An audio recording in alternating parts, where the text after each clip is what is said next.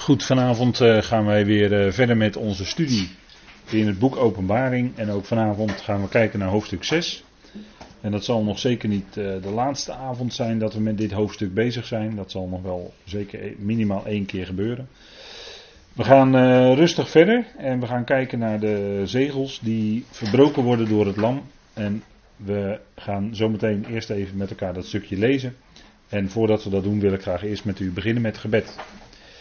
Trouw vader, wij danken u dat we ook vanavond hier weer bij elkaar mogen zijn. Dank u wel dat we dat weer doen rond dat profetische woord. Dank u wel vader dat dat ons zicht geeft op hoe u de eindtijd zal laten ontrollen. En dank u wel vader dat het leidt tot heerlijkheid van u en van uw zoon. Vader, dank u wel dat de dingen in deze wereld waarin het kwaad steeds tot, verder tot een hoogtepunt stijgt. Vader, waarin zoveel gebeurt elke dag, dat het niet bij te houden is. Maar dank u wel dat daardoorheen, Vader, er een grote omwenteling zal komen. Als u deze dingen die in openbaring beschreven staan in, gang gaat zetten, deze dingen zich zullen gaan ontwikkelen. Vader, dan weten we ook dat het zal leiden tot verlossing van de aarde. En Vader, tot eer en verheerlijking van uw geliefde Zoon, onze Heer Jezus Christus. Die zal komen om zijn volk te verlossen. En dank u wel, Vader, dat voordat dit boek Openbaring in vervulling gaat, wij als lichaam van Christus weggenomen zullen worden met grote kracht en snelheid van deze aarde. Naar uw woord, Vader, wat ook een stuk profetisch woord is. Vader, dank u wel dat we daaruit mogen zien. Dank u wel dat u de grote regisseur bent van alles. Dat u alles in uw hand heeft. Vader, er gaat niets buiten u om. We danken u dat we geborgen zijn in uw liefde. Dank u wel dat niets er is dat scheiding kan maken tussen uw liefde en ons. Maar dat u ons draagt, dat u ons omringt. Dat u door uw geest zelfs in ons woont. Vader, dank u wel. Het is bijzonder en we danken u dat we ook zo vanavond dan mogen bidden om de leiding van uw geest. Vader, geef dat we dat woord in het hart kunnen verstaan. Geef dat we overdrachts en uitdrukking hebben om dat over te dragen wat u in dat woord zegt, Vader. Geeft u daarin alle wijsheid. We danken u, Heer, dat we zo deze avond in uw hand mogen weten. Wees ook met hen die er om welke reden dan ook niet bij kunnen zijn. Wilt u hen bijzonder nabij zijn, Heer, op de plaats waar ze zijn. U weet wat nodig is daar. Dank u wel, Vader, dat we dat mogen danken en daarvoor mogen bidden. We danken u voor uw geliefde zoon. In zijn naam. Amen. Goed, wij eh, gaan met elkaar lezen in Openbaring 6. En dat wil ik doen tot en met vers 8. En daar staat in Openbaring 6 vanaf vers 1: En ik zag hoe het lam het eerste van de zegels opende. En ik hoorde een van de vier dieren met een stem als een, van een donderslag zeggen: Kom. En ik zag en zie een wit paard. En hij die erop zat had een boog. En hem was een kroon gegeven. En hij trok uit overwinnend en om te overwinnen. En toen het, het tweede zegel geopend had, hoorde ik het tweede dier zeggen: Kom. En een ander paard dat rood was, trok uit. En aan hem die erop zat, werd gegeven de vrede van de aarde weg te nemen. En dat men elkaar zou afslachten. En hem werd een groot zwaard gegeven. En toen het het derde zegel geopend had, hoorde ik het derde dier zeggen: Kom. En ik zag en zie een, een zwart paard en hij die erop zat, had een weegschaal in zijn hand. En ik hoorde te midden van de vier dieren een stem zeggen: Een maat tarwe voor een penning en drie maten gerst voor een penning, en breng de olie en de wijn geen schade toe. En toen het het vierde zegel geopend had, hoorde ik de stem van het vierde dier zeggen: Kom. En ik zag en zie een grauw paard, en die erop zat, zijn naam was de dood. En het rijk van de dood volgde hem. En hun werd macht gegeven over het vierde van de aarde, om te doden met het zwaard, met de honger en met de dood en door de wilde dieren van de aarde. Tot zover openbaring 6. En wij hebben de vorige keer gekeken naar bijzonder de, eigenlijk de 70ste jaarweek van Daniel. We hebben stilgestaan bij wat de ontwikkeling is van de 69ste, de periode die ertussen zit, en het 70ste, de 70ste jaarweek van Daniel. Daar hebben we uitgebreid bij stilgestaan. En vanavond willen we daarom verder gaan met de ontwikkeling van de gerichten zoals die in Openbaring 6 beschreven staan. Dat gaat uh, door het verbreken van de zegels. Er was maar één in het hele heelal, in heel Gods schepping, die bij machten was en die het kon de zegels verbreken. Dat is het lam, het lammetje. En die verbreekt de zegels en steeds horen we dan ook de stem van een van die dieren zeggen kom en dan komt er een paard en dan gaat er iets gebeuren. En we zien en we hebben ook de vorige keer al even stilgestaan bij uh, Matthäus 24. We hebben wat gelezen met elkaar uit Marcus en uit Lucas. Vergelijkbare tekstplaatsen, omdat we met dit onderwerp ook zeker uh, schrift met schrift moeten vergelijken. Openbaring 6.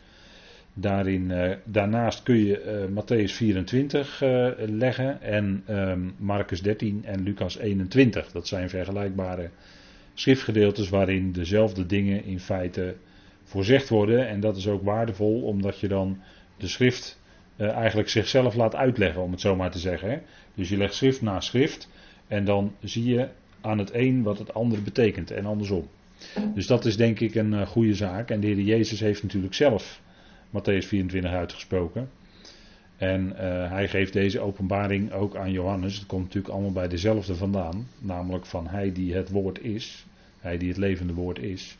Dus het kan niet anders dan bij hem vandaan komen. En dan moet het uiteraard ook op elkaar aansluiten. Hè? Dat, uh, dat is duidelijk. Nou, we zien dus gerichten. Tweede, derde en vierde zegel hebben we ook gelezen met elkaar. Dat wordt voorgesteld. Het is natuurlijk allemaal symboliek. Hè? Het is een visioen wat Johannes zag. Het is allemaal symboliek. En uh, we gaan kijken wat die symbolen dan te betekenen hebben. En dat gaat dan om de eerste vier zegels, de eerste vier. Uh, ja, dan ontrolt zich het een en ander. En dan de volgende keren uh, hopen we stil te staan bij het vijfde zegel. Ik denk dat we daar waarschijnlijk wel een hele avond over zullen doen. En dan ook het zesde zegel. Ik vermoed dat we daar ook wel een avond mee bezig zullen zijn omdat het uh, wel stukken tekst zijn die heel geladen zijn en waar veel over te zeggen valt. En waar uh, verschillende uitleg over is. En om dan te laten zien uh, wat de betekenis is van de tekst, dat vergt wel wat tijd. Dus daar zullen we waarschijnlijk wel een avond per keer over doen. Dan krijgen we openbaring 744.000 die verzegeld worden. daar valt natuurlijk uiteraard ook wel het nodige over te zeggen. ook de 144.000 die hebben geleden onder allerlei uitleg. Dat zijn uiteraard niet Jehovah's getuigen, dat kan ik gelijk wel zeggen. Misschien vindt u dat onvriendelijk als ik dat zo zeg. Ik bedoel dat niet zo. Ik bedoel alleen maar helderheid te geven van wat het is. De 144.000 zijn gewoon 12.000 uit 12 stammen van Israël. Want dat staat daar gewoon. Dus dat is gewoon volstrekt helder. En je kunt de Bijbel gewoon zelf laten zeggen. En dat bedoelt er dan ook. Hè? Dat hoeven we niet dan nog eens nader. Uh, te interpreteren. Zulke tekstgedeeltes. Hè. Met symboliek ligt het natuurlijk wat moeilijker, maar juist met die 144.000 die twee keer terugkomen in openbaring, is het gewoon heel erg duidelijk allemaal. Dan krijgen we vanaf vers 8, of hoofdstuk 8, krijgen we de zeven bazuinen en die vallen in feite onder het zevende zegel. Hè. Het zevende zegel wordt verbroken en dan gaan die zeven bazuinen. Die worden gestoken, die worden, die, uh, die worden geblazen. En, die, en daar onder die zeven bazuinen gaan dan ook weer allerlei dingen zich afspelen. Maar dat is allemaal de ontwikkeling, omdat dat zevende zegel dan verbroken is door het lam. Dus dat uh, is denk ik ook goed om met elkaar vast te stellen. En dat gaat natuurlijk nog veel verder, maar dat zal wel diverse avonden vergen. Maar goed, zover zijn we nog niet. We gaan vanavond verder met hoofdstuk 6. De gerichten gaan dan echt komen. En we zien daar vier paarden met vier verschillende kleuren. En die stellen allemaal iets voor. Hè? Er wordt altijd gezegd van iemand die op een paard zit, maar dat is alleen maar symboliek. We moeten niet te veel, zo'n ruiter moeten we niet te veel interpreteren alsof het iemand is. Nee, het stelt iets voor. Hè? Het is symboliek. En die kleuren stellen natuurlijk ook het nodig voor. Daar zullen we uiteraard ook bij stilstaan, want dat is belangrijk. Dat is natuurlijk niet voor niets. En over die paarden gesproken, misschien is het goed om daar even de profeet Zacharia op na te slaan. Zacharia. Eh, omdat daar ook paarden worden genoemd. Dat weet u misschien wel. Of misschien niet, dan weet u het na vanavond. Of als u nadat u dit geluisterd heeft, weet u het. Op een later tijdstip. En het is altijd goed om avonden als deze, als u ze beluistert, om ze meerdere keren te beluisteren. Want je kan in één keer luisteren echt niet alles meekrijgen. Dat uh, garandeer ik u. Want zo werkt het gewoon niet, dat weet ik uit eigen ervaring, omdat het niet, dat het niet zo werkt. Als zulke geladen iets wordt, uh, op goede manier wordt uitgelegd, dan moet je daar meerdere keren naar luisteren om alles mee te krijgen. Want je hoort alles niet in één keer. Dat is nou eenmaal zo. Um, we kijken dan in ja, Zacharia 1 om maar te beginnen. Zacharia 1, daar worden ze ook genoemd. Um, en dat is uh, vanaf vers 7, Zacharia 1 vanaf vers 7. Op de 24e dag van de 11e maand, dat is de maand Shevat, in het tweede jaar van Darius, kwam het woord van de Heer tot Zacharia, de zoon van Berechia, de zoon van Ido, de profeet. En ik zag s'nachts en zie een man die op een rood paard reed en hij stond tussen de mitten die zich in de diepte bevonden en achter hem waren rode, bruine en witte paarden. En ik zei, mijn heer, wat betekenen deze? Toen zei de boodschapper die met mij sprak tegen mij, ik zal u laten zien wat deze betekenen. Toen antwoordde de man die tussen de midden stond, dit zijn degenen die de Heer uitgezonden heeft om het land door te gaan. Of je kunt ook vertalen, de aarde, hè? dat weet u. In de schrift is het zo dat het woord Eretz, hè, we hebben het hier over het Hebreeuws. Uh, het woord Eretz, dat betekent zowel land ter onderscheiding, hè, droog land ter onderscheiding van de zeeën. Uh, het kan ook de hele aarde betekenen, maar dat hangt af van het tekstverband. En het kan ook betekenen het land, maar dan het land Israël. Dus dan moet je altijd kijken wat de context aangeeft. En soms is dat best lastig.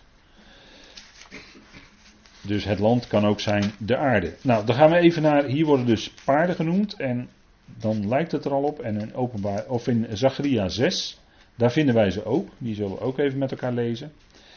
Zacharia is trouwens een hele mooie betekenis, hè, de naam Zacharia. Dat weet u denk ik wel. Hè. Dat betekent uh, ja of Yahweh herinnert zich. Hè, zakar, dat betekent het Hebreeuwse zakar. Betekent uh, herinneren, zich herinneren. En uh, ja is natuurlijk uh, afkorting van Yahweh. Hè. Sachar ja, dus afkorting van Yahweh, is Yahweh herinnert zich. Dus een hele mooie betekenis, want Yahweh herinnert zich natuurlijk zijn beloften die hij aan het volk gedaan heeft. En dat is ook, uh, Zacharia eindigt ook heel mooi met, en in de avond zal het licht zijn, hè, weet u wel? Zacharia 14, hè, in de avond zal het licht zijn. Hele mooie, hele mooie aanwijzing is dat van de Heer. En uh, Zacharia 14 eindigt ook met de verwoesting van Jeruzalem. En ter gelegenheid van die verwoesting van Jeruzalem zal de Heer zijn voeten zetten op de Olijfberg. Maar goed, uh, daarover uh, dadelijk wil ik nog wel een opmerking maken. Eerst gaan we lezen in Zacharia 6 en daar staat, daar worden ook paarden genoemd. En er staat, opnieuw sloeg ik vanaf vers 1, Opnieuw sloeg ik mijn ogen op en zag en zie vier wagens kwamen tevoorschijn tussen twee bergen. En die bergen waren van koper. De eerste wagen had rode paarden. De tweede wagen zwarte paarden. De derde wagen witte paarden. En de vierde sterke gevlekte paarden. En ik nam het woord en zei tegen de boodschapper die met mij sprak: Wat betekende deze, mijn heer? Daarop antwoordde de boodschapper en zei tegen mij: dit zijn de vier geesten van de hemel. Hemelen, want hemel staat in het Hebreeuws altijd in het meervoud. Die erop uittrekken van waar zij voor de Heer van de heel de aarde hebben gestaan. Die de zwarte paarden hebben trekken uit naar het land van het noorden. De witte trekken uit hen achterna. En de gevlekte trekken uit naar het land van het zuiden. En de sterke trokken uit en wilden het land doorgaan, maar hij had gezegd: Ga, ga het land door. Toen gingen zij het land door. Vervolgens riep hij mij en sprak tot mij: Zie, zij die zijn uitgetrokken naar het land van het noorden, hebben mijn geest doen rusten in het land van het noorden. En als u mij vraagt, heeft dat ook wel een betekenis, want in de eindtijd zal die sterke koning de leider, de grote leider, die, dat, die wordt ook in Daniel 11 genoemd de koning van het noorden. Dus ik denk dat wel iets met, met de koning van het noorden te maken zou kunnen hebben. En deze paarden die hebben verschillende kleuren, net als in de openbaring. En we krijgen ook uitleg hierbij, want in vers 5 staat: Dit zijn de vier geesten van de hemelen. Dus die paarden, het wordt wel in het visioen door Zacharia zo gezien als paarden, net als Johannes. Maar we krijgen in de uitleg te horen dat dat zijn geesten. Dus geestelijke machten, die hebben invloed en die zullen deze dingen dan mede veroorzaken, als u het mij vraagt, als we dit zo naast openbaring 6 mogen leggen, dan zullen geestelijke machten invloed uitoefenen en dat zal leiden tot wat gebeurt als die zegels verbroken worden. En dat is natuurlijk een duidelijke zaak, denk ik, omdat we wel vaker met elkaar hebben vastgesteld dat de dingen die zich in deze wereld afspelen, eh, tussen landen, eh, conflicten, daarboven, boven die landen, dat weten we ook uit Daniel 10, staan geestelijke machten. zo kennen we de vorst van Perzië, dat is een geestelijke macht. En uh, die stond tegenover een andere vorst en, daar, en werd tegengehouden. En uh, daar was de vorst van Israël ook bij betrokken. En Daniel kreeg daar inzicht in. Het gordijn werd als het ware opzij getrokken.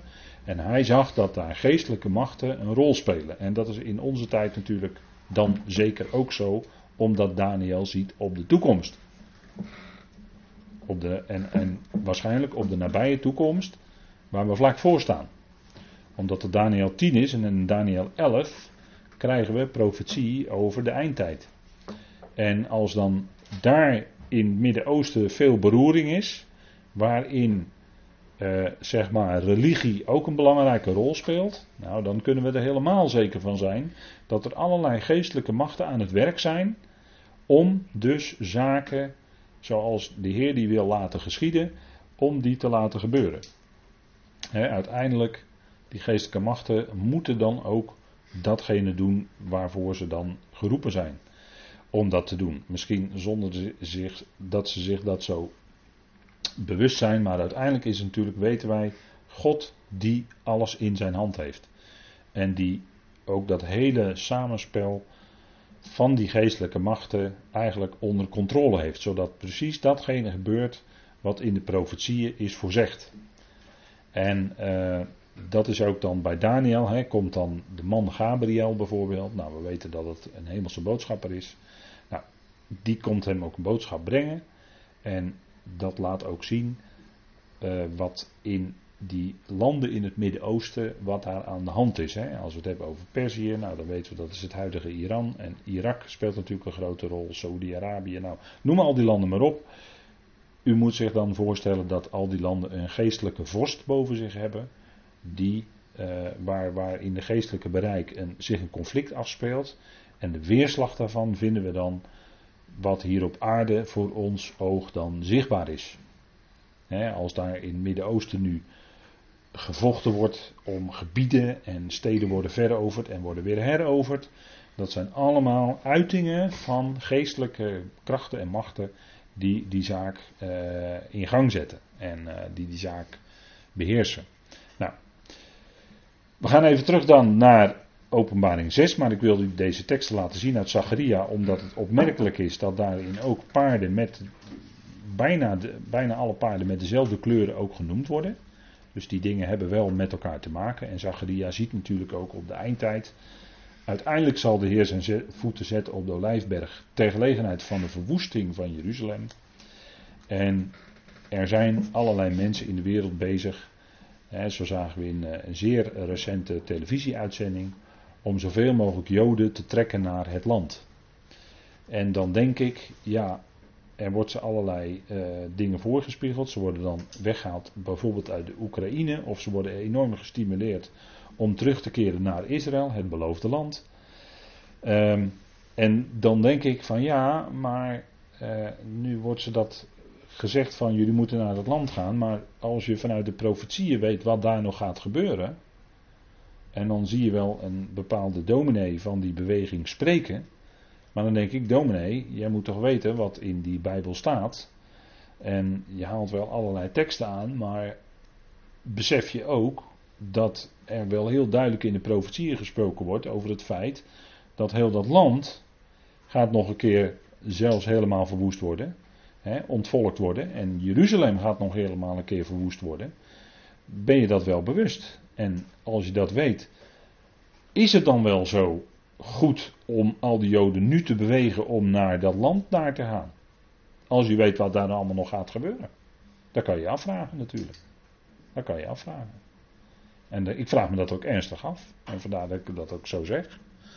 omdat mensen geven daar, geven daar allerlei giften aan. Uh, dat werk wordt gestimuleerd. En uh, mensen gaan erop uit om, om die mensen te bewegen terug te gaan naar, uh, of naar Israël te gaan. het beloofde land. maar ja, zijn ze zich dan wel voldoende bewust van alles wat zich daar nog gaat afspelen? Ja, ik denk dat dat toch een punt is. En we zullen daar vanavond nog wel wat meer van, eh, van, van dat soort aspecten zien. Maar goed, we gaan even verder met openbaring 6 vers 2. En er staat dat witte paard, daar hebben we de vorige keer bij stilgestaan. En die tekst hebben we ook gelezen met elkaar. Dat kun je naast elkaar leggen. We hebben gezien dat bij dat witte paard, dat is de komst van vrede. Want bij het rode, dat weten wij, omdat bij het rode paard, dat gaan we nog zien, de vrede van de aarde wordt weggenomen. Dus kennelijk is diegene die op dat witte paard zit de brenger van de vrede. Die gaat in snelheid die vrede brengen over deze wereld. Hij trok uit overwinnend om te overwinnen. En die ruiter op dat witte paard, eh, daar is verschillende uitleg over, maar we houden het er toch op dat dat eh, de wetteloze is, of zo u wilt, eh, eventueel de antichrist. Maar zeker niet Jezus Christus. Daar, daar ben ik niet van overtuigd, absoluut niet. Integendeel zelfs. Ik ben diep van overtuigd dat dit de uitbeelding is van Jezus Christus. Niet, Jezus Christus niet, maar iemand die zich uitgeeft als de Messias, als de gezalfde, als degene die. En er staat ook in Johannes 5, vers 43, daar zegt de Heer Jezus dat ook tegen zijn volk, tegen de Joden. Dat als er iemand in zijn eigen naam komt, die zullen jullie aanvaarden. Johannes 5, vers 43. Ze wilden hem toen niet aannemen, hem met een hoofdletter. En zei de Heer Jezus tegen ze: Als er iemand komt in zijn eigen naam, want de Heer kwam in de naam van zijn vader. Maar als er iemand komt in zijn eigen naam, dan zullen jullie die aanvaarden. En dat is degene die komt op dat witte paard, overwinnend om te overwinnen. De ruiter op het witte paard, hè, om het zo maar te zeggen. De brenger van vrede. Het is ook wit. Wit. Daar zitten alle kleuren in, hè? in de kleur wit. Wit is eigenlijk geen kleur, maar alle kleuren bij elkaar. Maar is ook natuurlijk altijd licht. Hè? Licht is altijd wit. En het kennelijke licht wat gebracht wordt, is dan een vrede. Maar dat is geen ware vrede, dat zal blijken. Het is een andersoortige. Kijk, wat hem doet, wat hij doet, lukt hem ook. Hè? Er staat het kenmerk is, hij trok uit overwinnend en om te overwinnen. Dus hij ging uit en wat hij doet, dat zal hem ook lukken. Dat is een kenmerk van de valse Messias. Die zal enorm kunnen doorzetten wat hij wil. En dat is wat wij ook lezen in Daniel. Dat hebben wij gelezen in Daniel toen we dat boek bespraken dat degene die dan komt, wat hij doet, zal hem ook lukken. Dat is een kenmerk. En als we die teksten nog heel even met elkaar snel nalopen, dan zullen we dat ook zien. Daniel 7, vers 25. Daar staat dat, hè? Daniel 7, vers 25. En dat is uh, één die komt dan een sterke, hè? Eerst komen er tien horens. En dan zal er eentje komen die drie zal vernederen. Drie koningen. En dan staat er van diegene die, dat, die zal overwinnen. En die zal leider zijn van het vierde wereldrijk. Dat vierde dier, het zal heel de aarde verslinden. En dan staat er in Daniel 7, vers 25 Woorden tegen de Allerhoogste zal hij spreken. De heiligen van de Allerhoogste zal hij te grond richten. Hij zal erop uit zijn tijden en de wetten veranderen. En ze zullen in zijn hand worden gegeven voor een tijd, tijden en een halve tijd. En dat is dan de tweede helft, weten wij, van de laatste jaarweek, de zeventigste jaarweek van Daniel. Hè, die tijd, tijden en een halve tijd. Dus we zien hier in 7 vers 25 dat hij, wat hij onderneemt gelukt. En zelfs zal hij Israël kunnen overwinnen. Met waarschijnlijk hele handige tactieken. Met zijn woorden, met zijn optreden. En wij lezen dat van hem ook in Daniel 8, vers 12. En er staat.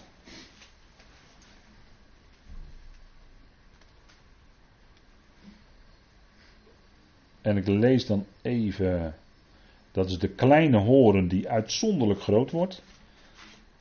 dat is het voorgaande gedeelte. En lees ik even vanaf vers 11. Hij maakte zich groot tot aan de vorst van het leger. En het steeds terugkerende of het voortdurende werd aan deze ontnomen en zijn heilige woning werd neergeworpen. En het leger werd overgegeven vanwege de afvalligheid tegen het steeds terugkerende of het voortdurende. En hij wierp de waarheid ter aarde. Hij deed het en het gelukte. Dat doet die kleine horen die dan heel groot wordt. Ik heb de vorige keer dat eigenlijk uit mijn hoofd geciteerd. Want toen hadden we het over wat is nou de afval. Nou, dat is wat in vers 12 staat. Dat de waarheid ter aarde wordt geworpen. En dat dus de woorden van God, dat die niet meer belangrijk zijn. Maar dat daar zijn woorden voor in de plaats komen. De afval. Dan zal God een krachtige dwaling sturen. Hè? Zegt 2 Thessalonicense 2. En men zal de leugen geloven. In plaats van de waarheid. Men zal niet langer liefde hebben van de waarheid, maar men zal de leugen geloven. En dat is wat hier ook staat. Hè. Hier denkt Paulus aan als hij 2 Thessalonicense 2 schrijft. Dat de waarheid ter aarde wordt geworpen en dat is de afval. Dan komt de afval. Paulus zegt in 2 Thessalonicense 2, weten jullie dan niet dat eerst de afval moet komen? Dat is dit. Wat hier in 8 vers 12 staat. Dat, dat kunt u zo naast elkaar leggen. En we leven nu wel in de tijd dat de mensen afstand nemen van het geloof. Hè, dat zij van het geloof af gaan staan. Want dat is door de geest uitdrukkelijk tegen Paulus gezegd. 1, Thessalon, 1 eh, Timotheus 4 vers 1. Hè, nogal wat zullen afvallen, dus afstand nemen van het geloof. Dat zien wij vandaag de dag gebeuren.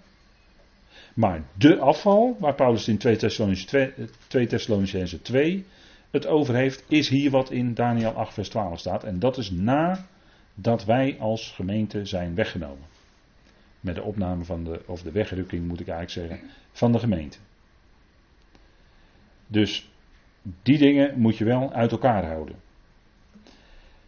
En we zien, je ziet dat mensen afvallen van het geloof, hè, van het geloof.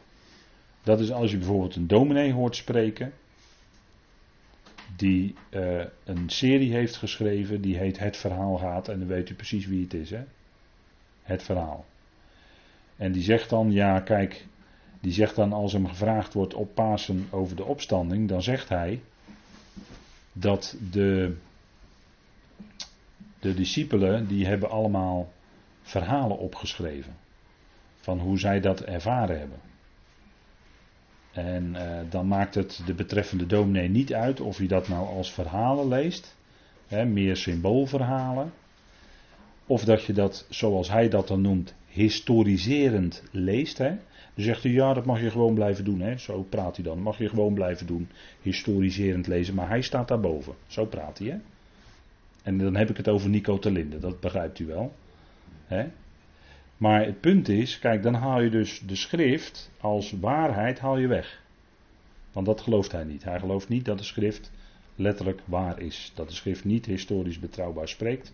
Dat gelooft hij niet. hij zegt alleen maar, we komen bij God vandaan en we gaan naar God terug. En daartussen, ja, dat, dat moet je eigenlijk allemaal maar zelf uitmaken wat waar is. Dat zegt hij dan, hè. Kijk, dat is nou typisch een voorbeeld van iemand die afstand heeft genomen van het geloof. Die van het geloof af is gaan staan in zijn vrijzinnigheid. Want dat is de vrijzinnigheid ten top, hè, als je die hoort spreken. Maar dat is niet spreken van waarheid, dat is heel iets anders wat hij doet. dat is het waarheidsbegrip is verlegd geworden sinds het rapport God met ons, het rapport over het schriftgezag binnen de kerken, begin jaren 80.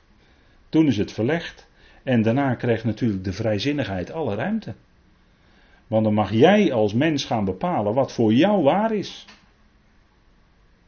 En als je dan gaat zeggen, ja, maar wat die schrift zegt is absoluut waar voor iedereen. Nee, dat mag je dan niet meer zeggen. Nee, dat mag je niet meer zeggen. Zo niet. Dus niet absoluut. Het is relationeel geworden. Heel mooi woord, hè? Relationeel. Hè? Het, het zijn zoetgevoisde woorden. Het klinkt heel mooi. Maar je hoort de woorden van de slang er doorheen. Ja. zo scherp wil ik dan wel even zijn.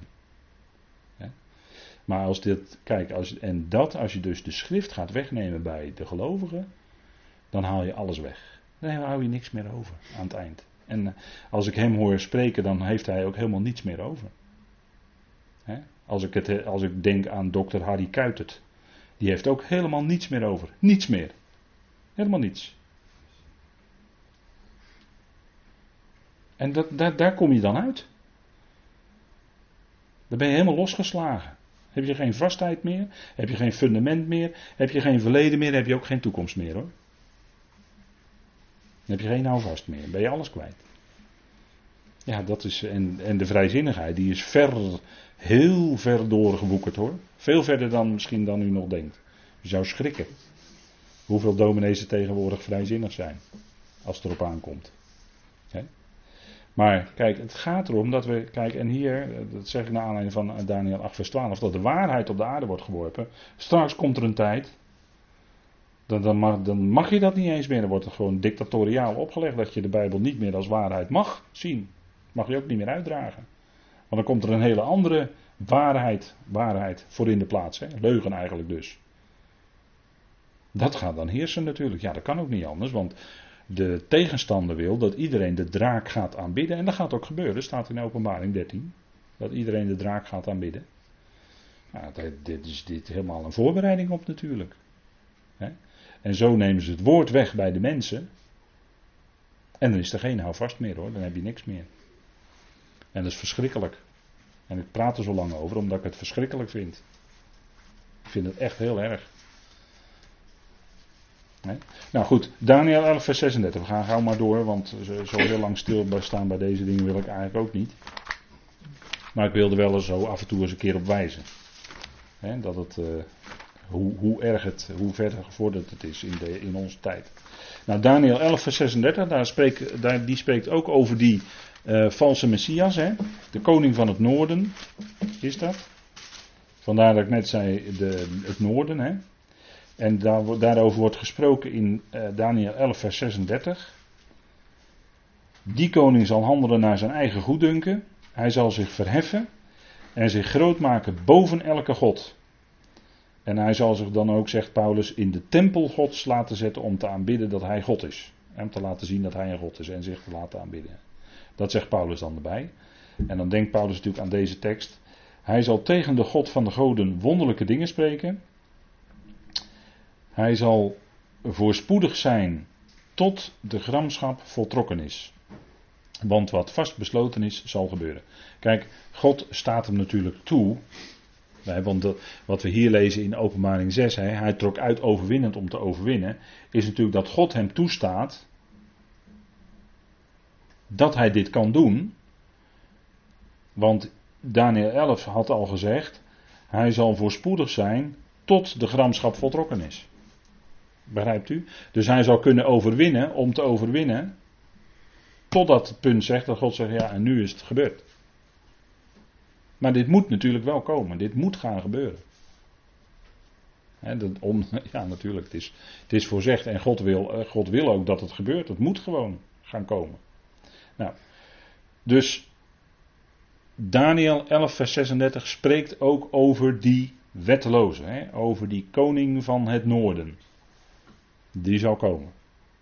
Nou, we hebben al gezien, een paard is een nobel of een edel dier. Hè? Of uh, wit spreekt, een wit paard spreekt van nobele en edele dingen, wit. Paard is symbool voor de strijd in het Midden-Oosten. Daar heb ik u vorige keer op gewezen. Hè. Het paard is uh, niet bedoeld voor, uh, om zomaar op te rijden, maar dat is echt bedoeld voor de strijd. Hè. Een lastdier is een ezel en op reis ga je op een kameel, heb ik vorige keer gezegd. En een paard is echt voor de strijd. Dat is de betekenis in het Midden-Oosten. Dus dat hier paarden komen, heeft er alles mee te maken dat er strijd komt. En dat er eerst vrede komt, is alleen maar een prelude op de grote oorlog die gaat komen. En overwinnend om te overwinnen, nou ik heb daar openbaring 13 ook bij gezet. Als daar het beest komt, nou daar zullen we het misschien nog, ook nog heel even over hebben. Maar daar heeft het wel verband mee. Dat het beest ook zal alles kunnen overwinnen, een bepaalde tijd. Kijk, en die voorbereiding op vrede, is, daar is deze figuur mee bezig want men zal roepen vrede, vrede en veiligheid. En ik heb hier op deze dia enkele uitspraken van de huidige paus gezet. En dan zegt hij: Ik groet u en dank u allen hartelijk, beste vrienden van andere religieuze tradities. Ten eerste de moslims, let op hè. Ten eerste de moslims, zegt hij. Die de enige levende en genadige God aanbidden. Zegt de paus hè. Ik zeg dat niet, dat zegt de paus uiteraard. ik citeer, deze dia is geciteerd uit de mond van de huidige paus Franciscus. dus hij zegt dat de moslims de enige levende, genadige God aanbidden en hem aanroepen in gebed.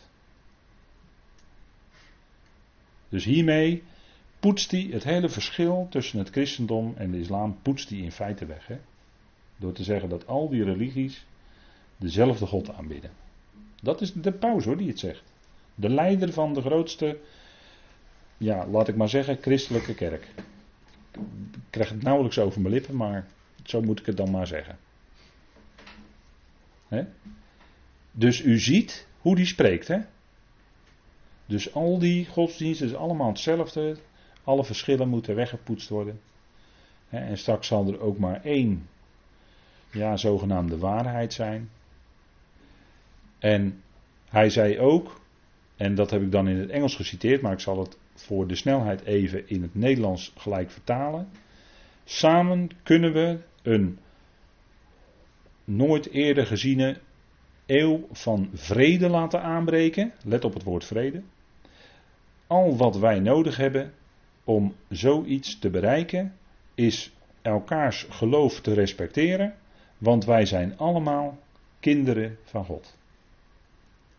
Dus hier schakelt hij alles gelijk. dus alle religies, het is eigenlijk allemaal hetzelfde. En ze hij zegt eigenlijk, dus de Hindoes en de, de ja, Boeddhisten, dat ligt natuurlijk misschien wat moeilijker, maar de Hindoes en de islam en de christenen en, uh, en de boeddhisten, dat is eigenlijk allemaal één, die hebben allemaal dezelfde God. Dus, uh, dus allemaal, er is geen verschil meer. Het volgende punt is dat hij natuurlijk gaat zeggen, en dat heeft hij ook al gezegd hoor, dat de Bijbel en de Koran eigenlijk, ja, dat schakelt hij eigenlijk ook gelijk. Dat doet deze pauze hoor. Even googlen en je komt er zo achter. Dat is helemaal niet moeilijk. Maar dat is dus hoe deze huidige paus spreekt. En dit is dus de geestelijke leider. Dus dit is de religieuze kant, de geestelijke kant. Niet, zozeer de politieke kant, maar de geestelijke kant. En we zien dus hoe ver het al is. Hè? Want als hij natuurlijk als paus zijnde dit gaat zeggen. Hij heeft natuurlijk zo'n 1, zoveel miljard. Laat maar zeggen, mensen die naar hem luisteren. Want daar is hij de. de hè, die zeggen allemaal papa tegen hem, hè, paus. Dus u moet goed bedenken wat voor een enorme invloed hiervan uitgaat. In het denken over religie, over boeken. Welk boek is waar, welk boek is, uh, hè, wat is niet waar, wat is wel waar. Het gaat allemaal, wordt dat gelijk geschakeld. Hè? Dus het zijn weer opnieuw weer hele mooie, zoetgevoisde woorden. Maar ik zou bijna zeggen met de woorden van openbaring. En hij sprak als de draak.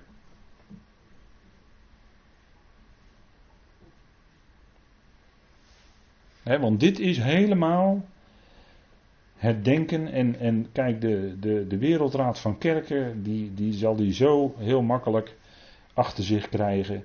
Want sinds 1948 uh, is altijd de, de voorzitter van de, van de Wereldraad van Kerken, hè, de, de leider van de Wereldraad van Kerken, die is sinds 1948 altijd uh, redelijk hooggraad van een metselaar.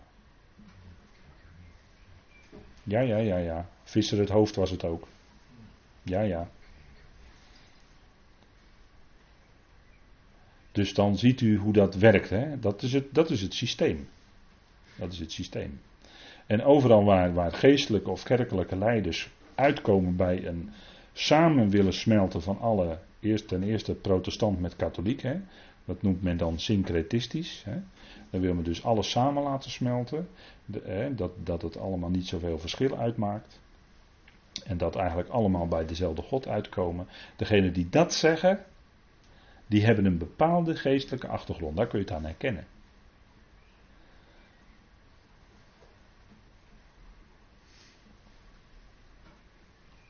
Nou, ik ga geen namen noemen. Want dat is misschien hier en daar wat te schokkend als ik dat, die namen ga noemen. Dat komt misschien later nog wel, een keer. Maar in ieder geval, dit zijn duidelijke uitspraken van de paus zelf. Die kunt u zo op internet terugvinden. Staan ook in de krant hoor. Dat is helemaal geen geheim, dat zegt hij gewoon. En hij is dus heel erg uit op die eeuw van vrede. Dat is eigenlijk de New Age. Die moet gaan komen die eeuw van vrede, die wil hij dus erg graag bewerkstelligen. En, en dan hoor je eigenlijk al in de verte, om het zo maar te zeggen, dat, dat witte paard hoor je aankomen. In de verte al. dat, dat zie je hier. Nou, dus dan ziet u wat men wil, wat men beoogt. Ik denk dat het goed om toch even in het kader van deze studie van openbaring, om dit even te laten zien. Hè? Dat het erg duidelijk is. Kijk, want in de, in, in Tenach, de profeten, die zeiden van kijk, wat is nou een, wat is nou een kenmerk van profeten die niet Gods woord spreken, om het zo maar te zeggen, die niet de woorden van God spreken. Dat is als men vrede, vrede zegt, terwijl er geen vrede is. Dat zei Jeremia bijvoorbeeld. Hè? Kijk, Jeremia, gaan we even opzoeken met elkaar, want ik heb dit nou op een dia gezet met een aantal tekstverwijzingen, maar het is altijd veel sterker om de Bijbel zelf dan te lezen.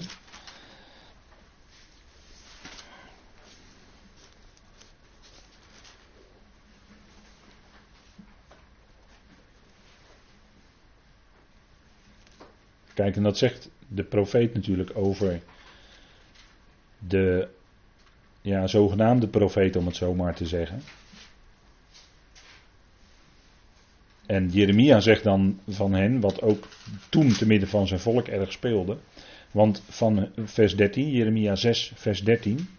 Want van hun kleinste tot hun grootste, ieder van hen is uit op winstbejag. Van profeet tot priester pleegt ieder van hen bedrog.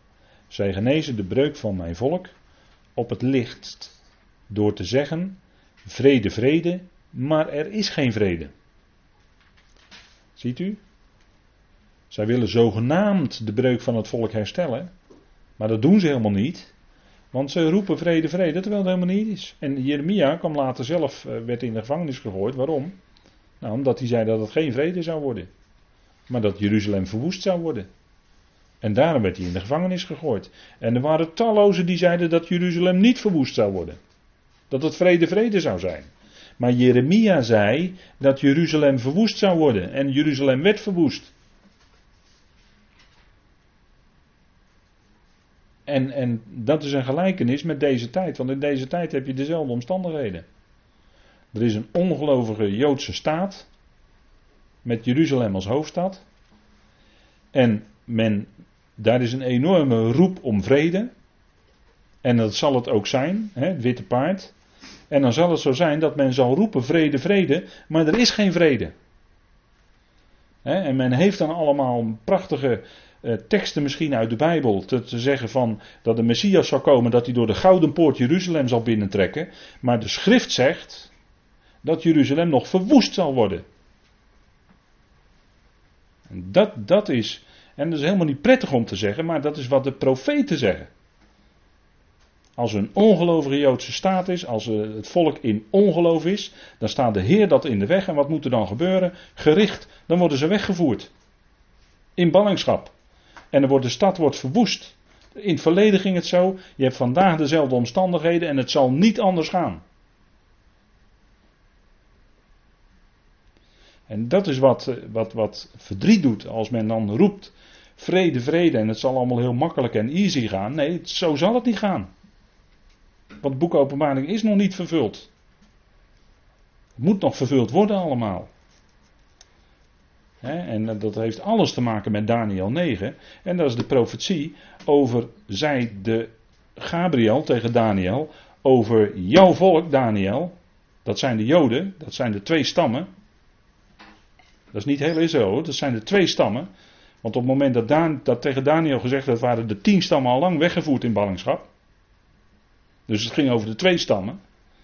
Het gaat over jouw volk Daniel en over jouw heilige stad Jeruzalem. En daar zijn we ook met de openbaring 6 mee bezig. Ik denk dat dat eh, duidelijk mogen zijn. Nou, Jeremia 8 vers 11 zegt.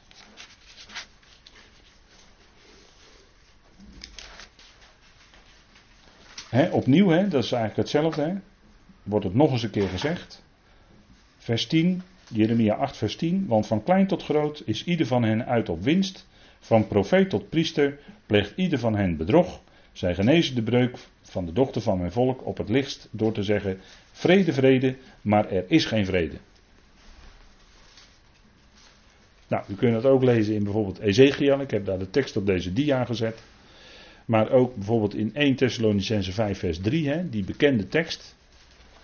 En die begrijp je dan ook veel beter ineens als je deze achtergrond uit Tenach kent. Hè, 1 Thessalonicense 5.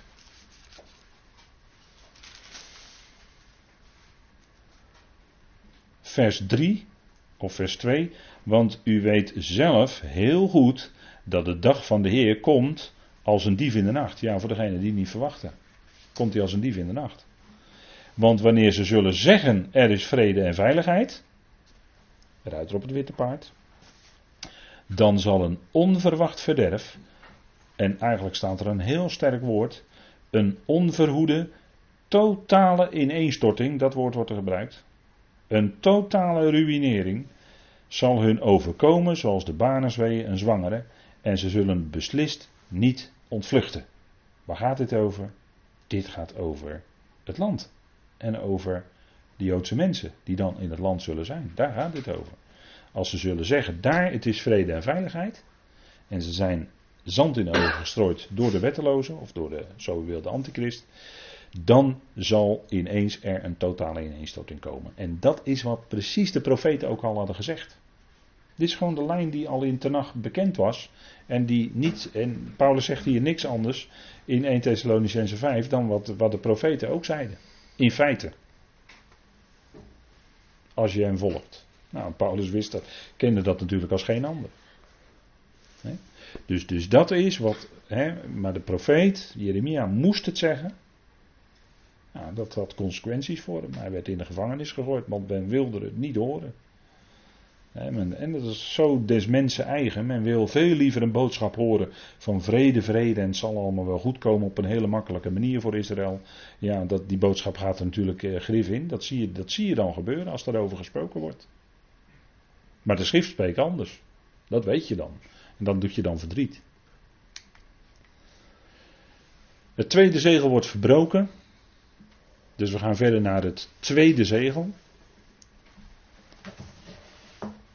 En ik hoor het tweede dier zeggen: Kom, waarom nou dat tweede levende wezen, of dier, levende wezen. Maar dat, we hebben gezien in het openingsvisioen dat het te maken heeft met de aarde, hè, die vier levende wezens, of dieren. Want het zijn wel dierlijke uitdrukkingen die Johannes zag, hebben te maken met de aarde. En het gaat hier ook om een gericht wat op aarde zal plaatsvinden. En twee, hè, het is ook het tweede zegel. En misschien is het dan toch goed om op te merken dat twee spreekt ook van verdeeldheid of van tegenstellingen. En die zullen dan heel scherp aan het licht komen. En die tegenstellingen die er zijn, die zullen nog veel sterker dan in deze tijd tegen elkaar uitgespeeld worden. men zegt dan tegenwoordig dat, dat wat wij zien aan, aan opkomst en steeds dichterbij komen van allerlei aanslagen. Nou, men zegt dat het nog eh, erger gaat worden. En, en dat, dat zou misschien best wel eens kunnen, ja. Die tegenstellingen zullen alleen maar verscherpt worden. Want het moet ook leiden dan op een gegeven moment tot die dingen die hier in openbaring 6 beschreven zijn. En er worden vandaag zullen daar, eh, om het zo maar te zeggen, eh, zal daar het zaad voor gestrooid worden. En dat gaat allemaal opkomen. Nou, dus het tweede dier zegt kom. En wat komt er dan? Dan komt er een paard dat vurig, staat er letterlijk, vurig met de implicatie van rood. Dat trok uit en aan hem die erop zat werd gegeven de vrede uit de aarde weg te nemen. Nou, u ziet het ook. Hem die erop zat werd gegeven. Dus werd zeker. Eh, je kunt denken aan. Het staat er niet letterlijk, maar je kunt wel denken aan een bepaalde volmacht. Werd gegeven. Maar goed, dat is dan het woord wat ik invoeg. En dat is verder dan niet zo belangrijk. Maar er werd gegeven de vrede uit de aarde weg te nemen. Nou, en vurig of rood, die kleur dat spreekt van bloed. En ja, dan zien we wel het trieste dat nu iets gaat gebeuren. Er komt namelijk oorlog. De vrede werd van de aarde weggenomen. Nou, dat betekent, dat impliceert dat er oorlog komt natuurlijk. Dat is duidelijk, denk ik. En dat betekent ook helaas veel bloedvergieten. Dus daar zullen velen door omkomen. het spreekt ook van de mens. Rood, Adam, Edom. in Adam zit het woord dam, dat is bloed. Maar dat ligt ook heel sterk tegen het Hebreeuwse woord voor rood. de aarde, de rode aarde. Edom. En uit de Edomieten kwam bijvoorbeeld Herodes in de tijd van de Jezus dat de Jezus werd overgeleverd om gekruisigd te worden, was die toenmalige koning Herodes was een Edomiet. Die kwam uit Edom of Esau. En de Edomieten, dat is hoogstwaarschijnlijk, uh, daar komen hoogstwaarschijnlijk ook de Palestijnen uit voort. En dan ziet u wel een lijntje lopen. Hè? Dat die tegenstelling Esau-Jacob, tegenstelling Esau-Jacob, die ziet u dan daar helemaal in terug. Hè? En uh, rood, ja, uh, heeft dan ook te maken natuurlijk met oorlog. Hè. Rood is, uh, zoals ze dat dan wel zeggen met een mooi woord, een expanderende kleur. Dat wil zeggen, dat is een kleur die naar buiten treedt. Hè. Een felrood vlak, dat komt naar je toe. Groen daarentegen is een rustgevende kleur. Dat, dat brengt je rust. Blauw is, heeft ook weer een andere invloed. Maar rood is de kleur van macht willen hebben. En desnoods ook bloed willen vergieten om die macht te bewerkstelligen.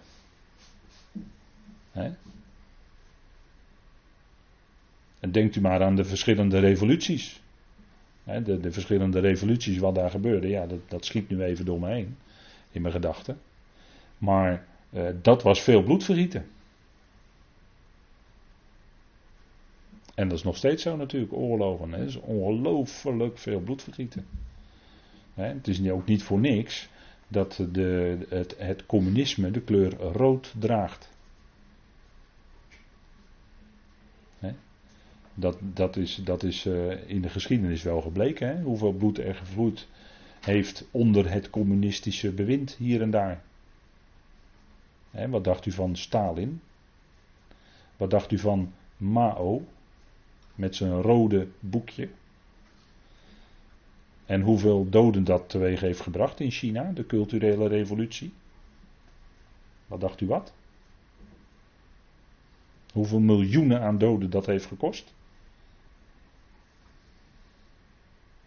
Nou, dit zal ook een wereldrevolutie en dan moet een communistisch wereldbewind, hè, want het wereldbewind, hè, de, het, het, hele bewind over de hele wereld zal straks gewoon communisme zijn hoor. En, en waar mensen niet graag aan herinnerd willen worden, is bijvoorbeeld dat Obama in zijn hart een communist is. Is zo hoor, is zo. En de veel bewierookte, uh, inmiddels overleden Nelson Mandela was in zijn hart een communist. Kwam voort uit het ANC en dat heeft hij nooit afgezworen. En het ANC, dat zijn de communisten. Kijk, die dingen die moet je, die moet je altijd in gedachten houden. Dit soort dingen.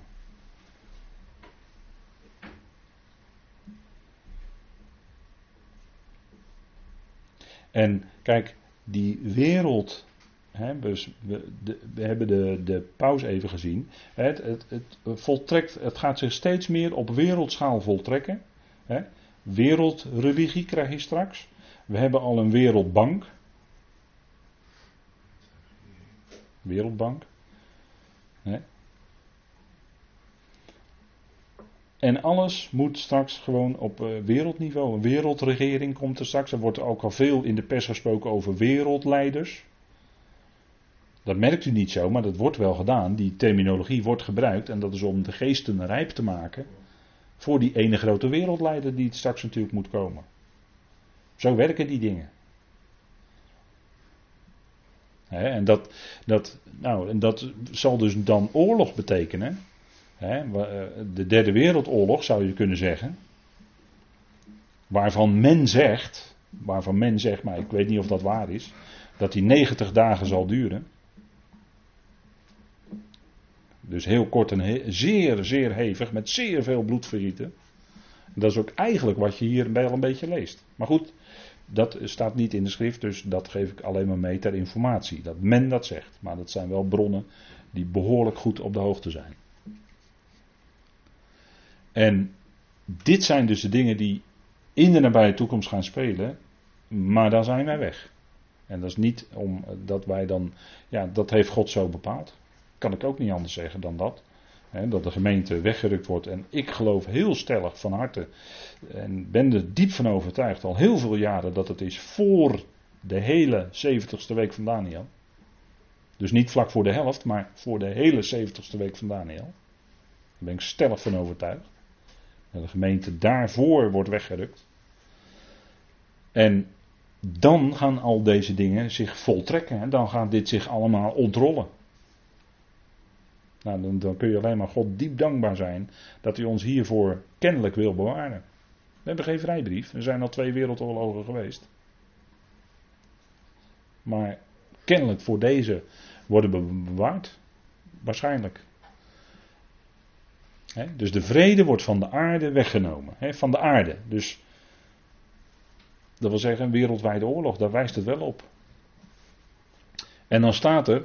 En dat men elkaar zou afslachten hè, met elkaar zou slachten. En hem werd een groot zwaard gegeven. Let op het woord groot, hè. Een groot zwaard. Dat staat, dat staat er echt zo. Nou, een zwaard. Het woord zwaard in het Grieks is eigenlijk.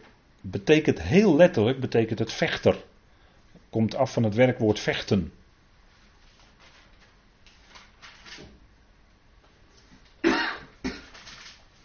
Moet u maar eens nazoeken. Kunt u nazoeken in uw stichwoordconcordans of in uw keyword concordance. Kunt u het zo terugvinden. dus het is het symbool natuurlijk dat er gevochten wordt. En een zwaard is natuurlijk scherp, dus er vallen veel doden. Er wordt gevochten met de scherpte van het zwaard. en het laatste verschrikkelijke rijk, dat van ijzer is en dat zal alles vermalen, dat, dat is dus ook van ijzer. En een, een zwaard is ook in de regel van ijzer gemaakt. Dus u zou daar een verband in kunnen zien. Ik geef het maar mee ter overweging. waar we deze dingen kunnen lezen, wat dan onder dat tweede zegel wat verbroken wordt gaat gebeuren, dat staat ook bijvoorbeeld in Matthäus 24. Laten we even schrift met schrift vergelijken. Wat de Heer Jezus zegt tegen zijn discipelen daar in Matthäus 24.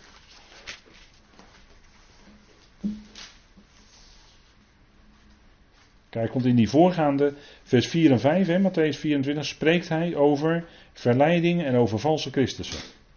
En de valse Christus, dat hebben we met elkaar gezien, dat is hoogstwaarschijnlijk die ruiter op dat witte paard. Nou, de Heer Jezus spreekt eerst over valse Christussen. Dus dan zou je kunnen zeggen, daar lezen we dus het eerste zegel. En dan lezen we onder vers 6 en 7 van Matthäus 24, lezen we het verbreken van het tweede zegel. Want wat zegt de Heer dan? U zult horen van oorlogen en van geruchten van oorlogen. Pas op, word niet verschrikt, want al die dingen moeten gebeuren, maar het is nog niet het einde. Want het ene volk zal tegen het andere volk opstaan en het ene koninkrijk tegen het andere koninkrijk. En er zullen hongersnoden zijn en besmettelijke ziekten en aardbevingen in verschillende plaatsen. Nou, dan zegt de Heer eigenlijk in één adem, zegt hij, wat ook onder die volgende verbreking van die zegels gaat gebeuren. Nee, maar eerst stelt hij vast, er zullen oorlogen zijn, geruchten van oorlogen. Volk zal opstaan tegen volk, nou dat is oorlog. Koninkrijk tegen koninkrijk, dat is ook oorlog. En dat is precies wat we hier zien onder dat tweede zegel. Ziet u het? Ziet u de overeenkomst? Ziet u dat de Heer over diezelfde dingen spreekt in Matthäus 24? En ook dezelfde volgorde. Het is chronologisch wat de Heer vertelt. En laten we even dan nog daarbij lezen Marcus 13, vers 7 en 8. Dat is een, zeg maar een eh, soortgelijke uh, schriftplaats, waarin Marcus ongeveer hetzelfde verhaalt als Matthäus. Marcus 13, vers 7 en 8. En er staat: Wanneer u hoort van oorlogen en van geruchten van oorlogen, wordt niet verschrikt, want dit moet gebeuren, maar het is nog niet het einde. Want het ene volk zal tegen het andere volk opstaan en het ene koninkrijk tegen het andere koninkrijk. Er zullen aardbevingen zijn in verschillende plaatsen.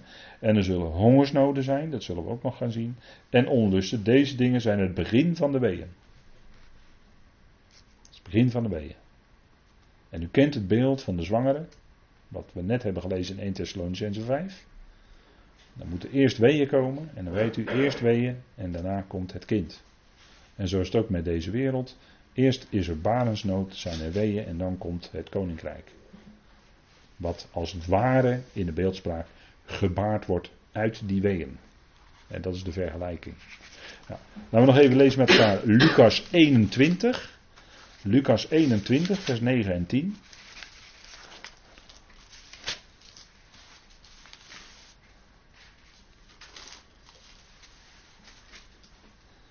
En dan lezen we eigenlijk ook weer over dezelfde dingen. En wanneer u zult horen van oorlogen van allerlei oproer, wees dan niet verschrikt, want deze dingen moeten eerst geschieden, maar niet is dan meteen het einde. En toen zei hij tegen hen: Het ene volk zal tegen het andere volk opstaan en het ene koninkrijk tegen het andere koninkrijk. Er zullen grote aardbevingen zijn in verschillende plaatsen, hongersnoden en besmettelijke ziekten.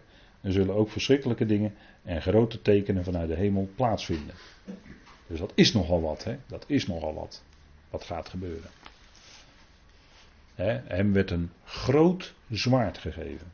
Men zal elkaar slachten. Nou, ik denk dat deze woorden uh, alles zeggen wat gaat gebeuren. En dat het inderdaad ontzettend zal zijn. En moet, we hebben gelezen, het zal over een vierde deel van de aarde. En sommigen interpreteren dat als dat er dan een vierde deel van de mensheid gedood zal worden. Zo zou je dat kunnen uitleggen. Dat zou betekenen, naar de huidige maatstaven of de huidige wereldbevolking, dat er, uh, dat heb ik onder een andere dia, daar komen we dan nog wel op. Het zullen ontzettend veel mensen zijn. En ik denk dat het goed is om uh, nu eerst maar eens even te pauzeren. Dan kunt u dat even allemaal verwerken.